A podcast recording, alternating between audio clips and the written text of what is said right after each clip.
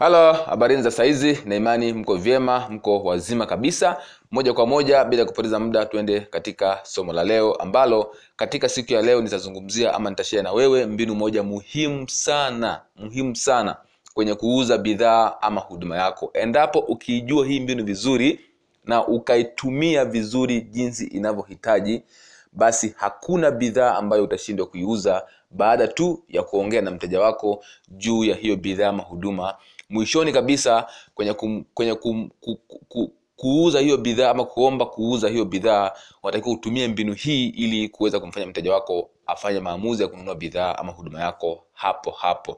Na kama hatafanya maamuzi hapo basi atakwambia exactly lini atafanya maamuzi ya kununua bidhaa ama huduma hiyo.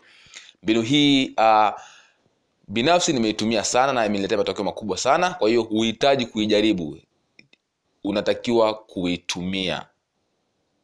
Mbinu zote ambazo tunashia na wewe hapa zitumie sio kuzijaribu. Zimeshajaribiwa kwa ajili yako wewe zitumie. Kwa hiyo mbinu hii uh, ni niseme ni silaha yangu ya siri ambayo wanaitumia naitumia lakini kwa sababu nyie ni familia yangu basi nashare na nyinyi na nyie mweze kuitumia ili mweze kufaidika kwenye kuuza bidhaa ama huduma ambazo mnaziuza. Mbinu hii inaitwa reverse selling au reverse psychology reverse selling au reverse psychology. Mbinu hii wanakawa sio ngeni sana edha umeshaisikia wauzaji wakitumia ama ukinunua bidhaa kutokana na mbinu hii lakini ulikuwa hujui kama inaitwa mbinu uh, reverse selling ama reverse psychology. Mbinu hii iko hivi uh, pindi unapouza bidhaa ama huduma yako kwa mteja wako okay? Katika kum, kumwomba kununua huyo mteja mwishoni sasa badala ya kumuuliza swali ambalo yeye anategemea kulisikia kwako unamuuliza kinyume. Ndio maana inaitwa reverse selling. Ni swali ambalo unaliuliza una kinyume ya vile mteja ambavyo alitegemea kuulizwa baada tu ya kumwambia kuhusu kile unachokiuza aidha ni bidhaa ama ni huduma. Kwa mfano labda uh, umeshaongea naye na mteja kila kitu lakini mwishoni ukamwambia labda nikupatie bidhaa ama unachukua bidhaa sasa hivi okay? Una swali unaliuliza kinyume. Ni kwamba hutachukua bidhaa sasa hivi? You see? Yani the point ni kwamba atakwambia kama na always majibu huwa yanakuja lazima atakwambia atachukua. Yani unauliza swali kinyume kadri ya vile mteja alivyokuwa anategemea angeulizwa. Okay? Labda wewe huchukui sasa hivi? Ama huchukui sasa yani unamuuliza kama ungekuwa unamwambia labda unachukua sasa hivi? Ama unanunua sasa hivi una, una, una, una, yani unauliza kinyume ya vile ambavyo mteja wako alikuwa anategemea. Haijalishi ni swali gani lile swali ligeuze muulize kinyume. Kwa mfano mmoja wa jinsi mbinu hii inafanya kazi kisaikolojia.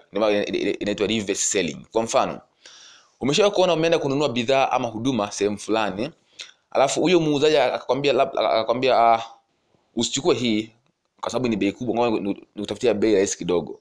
Lakini kwa sababu amesema neno hilo utachukua bidhaa hiyo hiyo ambayo alikwambia huwezi kuinunua. Kwa sababu gani?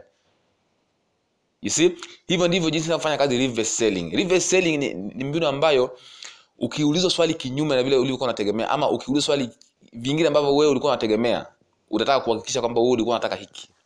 Kwa hiyo utaenda kinyume na vile ambavyo yeye alikuwa anategemea. Kwa hiyo kwa mfano ukafika sehemu uka, mtu akakwambia labda ah hii nguo hii naona kama ni ghali sana ngoja nikupe hii hapa. Jambo ni nzuri lakini ngoja nikupe hii hapa lakini utataka kuchukua hiyo hiyo nguo ambayo alikwambia ni gari sana wewe huwezi kuinunua lakini naona nikupe ya bei rahisi. Kwa sababu gani? Kwa hiyo hivyo ndivyo inavyofanya kazi reverse selling. Kwa hiyo lakini kipindi kipindi nasoma mbinu hii au kipindi na, na, na mbinu hii uh, aliweka onyo pale. Na wewe nakupa onyo hilo usilitumie. Hii mbinu hii usiitumie vibaya. Mbinu hii usiitumie vibaya kwa sababu ukitumia vibaya utaweza kuuza bidhaa ambayo mteja haihitaji kwa sababu mteja hana hatoweza kujizuia kuhakikisha kwamba anahitaji bidhaa hiyo na atanunua. Kwa sababu ni mbinu hii wanasema ni mbinu, wanasema, wanasema mbinu hii ukitumia vibaya utaweza kuuza bidhaa ambayo mteja haihitaji kabisa. Kwa hiyo naku, nakusihi hapo usiitumie vibaya kwa sababu utakuwa tapeli sasa. Don't misuse this kind of technique. Itumie endapo unajua bidhaa hii inamsaidia mteja kusovu tatizo lake. Na ndiyo kazi ya muuzaji wa bidhaa ama huduma usiuze bidhaa ambayo mteja wako haihitaji ama hana haiwezi kutatua tatizo lake. Kwa hiyo mbinu hii itumie endapo tunahisi kama bidhaa yako ama huduma yako ni chaguo sahihi ama ni suluhisho sahihi kwa mteja wako wakati huo.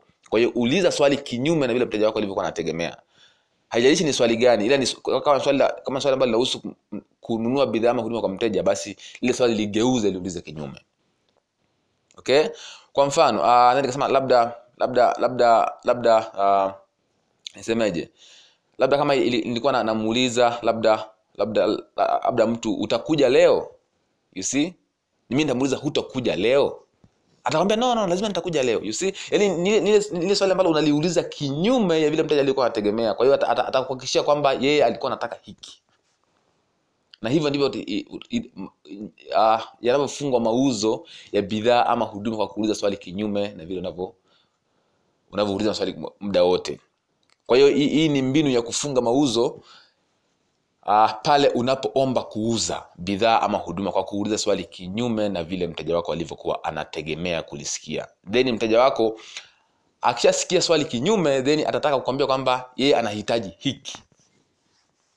Na na hapo ndipo anaponunua bidhaa ama huduma. Kwa hiyo hivyo tunavyoitumia mbinu hiyo uh, inayoitwa reverse psychology ama reverse selling. Geuza lile swali ambalo kila siku wanauliza kuhusu kununua bidhaa ama huduma yako.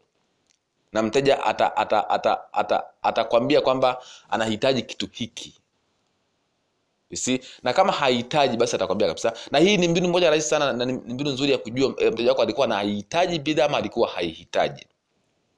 Kwa sababu ukiuliza swali kinyume ataliunga ile swali mkono lakini ukiuliza swali hili kinyume ata, ataenda ataenda kinyume ili aweze kununua bidhaa mahuduma kwa hiyo ukiona mtaji wako ameliunga swali ameliunga swali mkono basi ujue alikuwa hahitaji bidhaa. Lakini akienda kinyume basi ujue alikuwa na anahitaji.